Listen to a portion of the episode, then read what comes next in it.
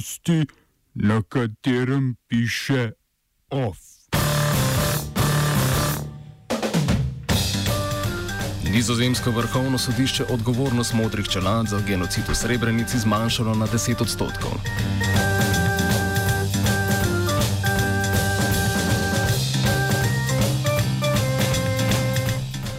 Narodna skupščina Republike Srpske se ne strinja s tožbo proti Hrvaški. Ameriški senatori Linda Blanchard potrdili za novo veleposlanico v Sloveniji. Rojsti dan pesnika Vladimirja Majakovskega.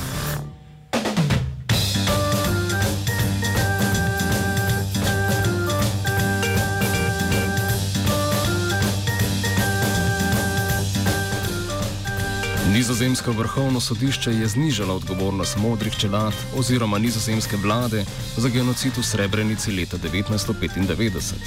Sodišče odgovornost nizozemske za smrt okoli 350 bošnjakov opisalo kot zelo omejeno in je ocenilo na 10 odstotkov, kar naj bi bil tudi ekvivalent odstotka možnosti preživetja, če bi žrtve čet Radka Mladiča lahko ostale v srebreniški bazi Združenih narodov.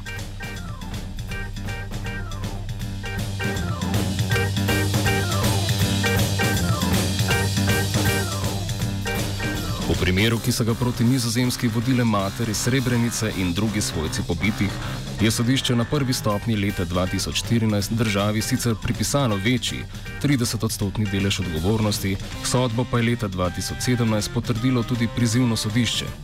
Predsednica Združenja Enklav Srebrenica in žepa Monira Subašič, ki je vložila tožbo, je v odzivu na sodbo sporočila, da je pričakovala pravično sodbo. Predsednik Združenja žrtev in prič srebreniškega zločina Murat Takirovič pa je povedal, da se bodo z odvetniki posvetovali o tem, ali bodo pravico iskali na Evropskem sodišču za človekove pravice v Strasburu.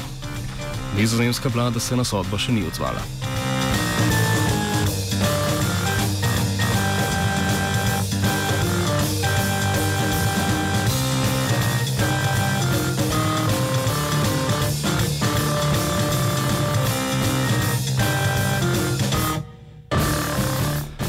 Narodna skupščina Republike Srpske je podprla veto predstavnika srpskega naroda v predsedstvu Bosne in Hercegovine Milorada Dodika, ki ga je tam vložil na namero predsedstva, da bo na Mednarodnem sodišču za pomorsko pravo v Hamburgu sprožilo postopek proti Hrvaški zaradi gradnje mostu na polotok Pelješac.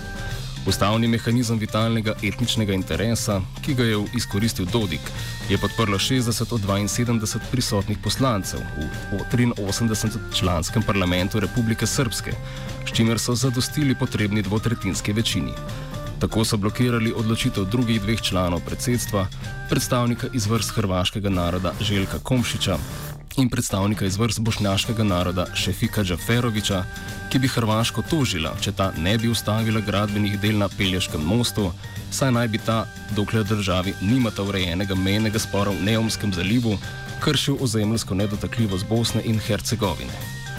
Skupščina v Banja Luki je obenem sprejela tudi sklep, da bodo vsi predstavniki entitete, ki so del državnih oblasti Bosne in Hercegovine, ustrajali pri reševanju vseh odprtih vprašanj v odnosih s Hrvaško, kot so urejanje mejnega vprašanja v celoti, vzpostavitev hrvaškega odlagališča jedrskih odpadkov na obmejni Trgovski gori in gradnja novega mostu čez reko Savo pri Gradiški v dogovorjenem roku.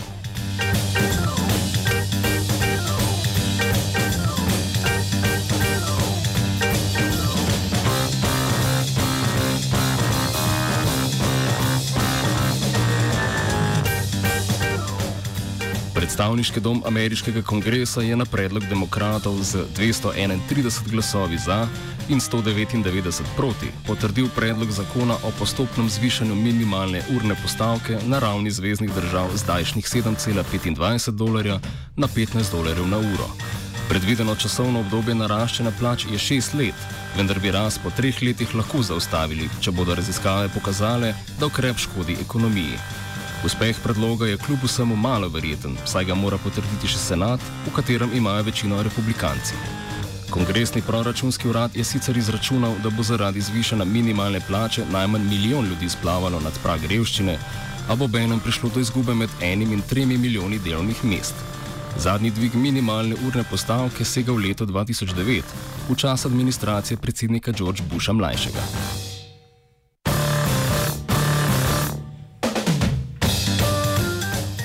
Če, bom odgovoril na angliški. Slovenija will try to help.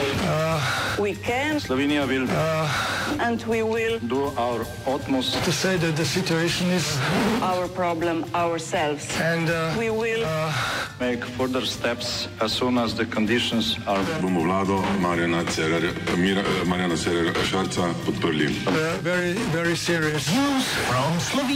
we know how and we will.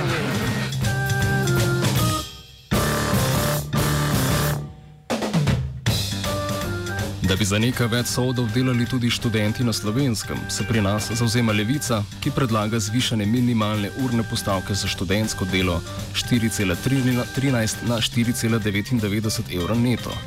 Postavka bi se nadalje usklajevala z rastjo minimalne in ne več poprečne plače, študentom pa bi pripadal tudi dodatek za nočno, nedeljsko in praznično delo. Da bi tak s koalicijo neusklajen predlog dejansko prešel v parlamentarno glasovanje, se seveda zdi posem iluzorno.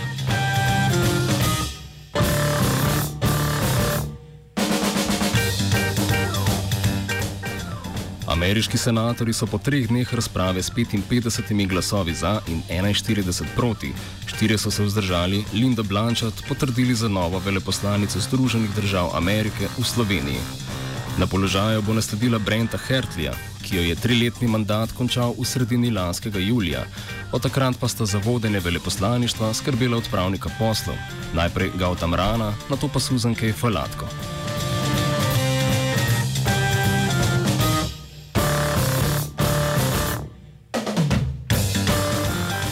Blanchard, ki je soustanoviteljica razvojne fundacije 100X in podjetja za upravljanje vlaganj v nepremičnine BNM, v katerem dela kot višja svetovalka, je predsednik Donald Trump za veleposlanico predlagal junija lani. Mesec kasneje je prestala zaslišanje v senatnem odboru za mednarodne odnose, ki je njeno kandidaturo potrdil, vendar so glasovanje o njeni potrditvi zamaknile novembrske delne volitve, ko je nastopil nov sklic kongresa.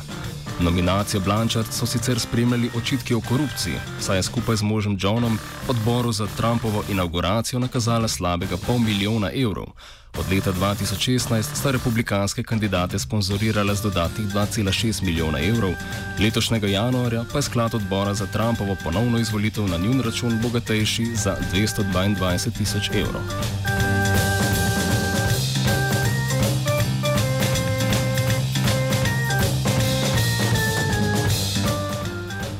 Štirih občinah slovenske Istre, Koper, Izola, Ankara in Piran, so z današnjim dnem začeli veljati posebni vrčevalni ukrepi za zmanjšanje porabe pitne vode. Namen odločitve, ki so jo soglasno sprejeli župani omenjenih občin skupaj z Rižanskim vodovodom, je spodbuditi racionalnejšo rabo vode in se s tem izogniti redukcijam, do katerih bi prišlo v primeru onesnaženja edinega vodnega vira v vodnem zajetju Rižane. Skladno s prejetimi ukrepi bodo občinska komunalna podjetja omejila zalivanje zelenic in ostalega zelenja na enkrat do največ dvakrat na teden. Prav tako je, bo omejeno čiščenje ulic, cest in drugih javnih površin, za kar bodo uporabljali izključno alternativne vodne vire. Do preklica bodo ostali zaprti tudi tuši za prhanje na javnih kopališčih. Razpoložljive količine vode trenutno sicer zadostujejo potrebam oskrbe s pitno vodo, zato so župani uporabnike obenem pozvali naj ne hrčkarijo in si ne delajo nepotrebnih zalog.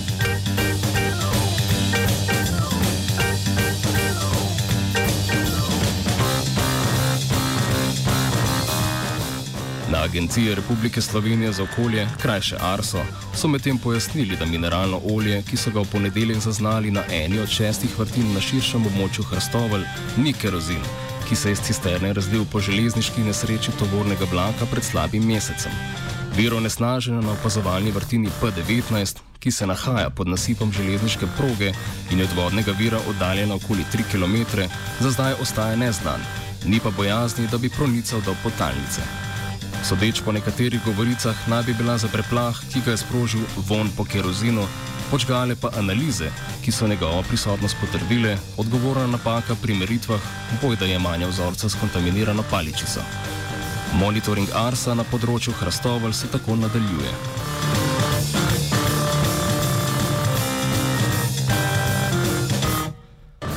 OF je pripravil žiga.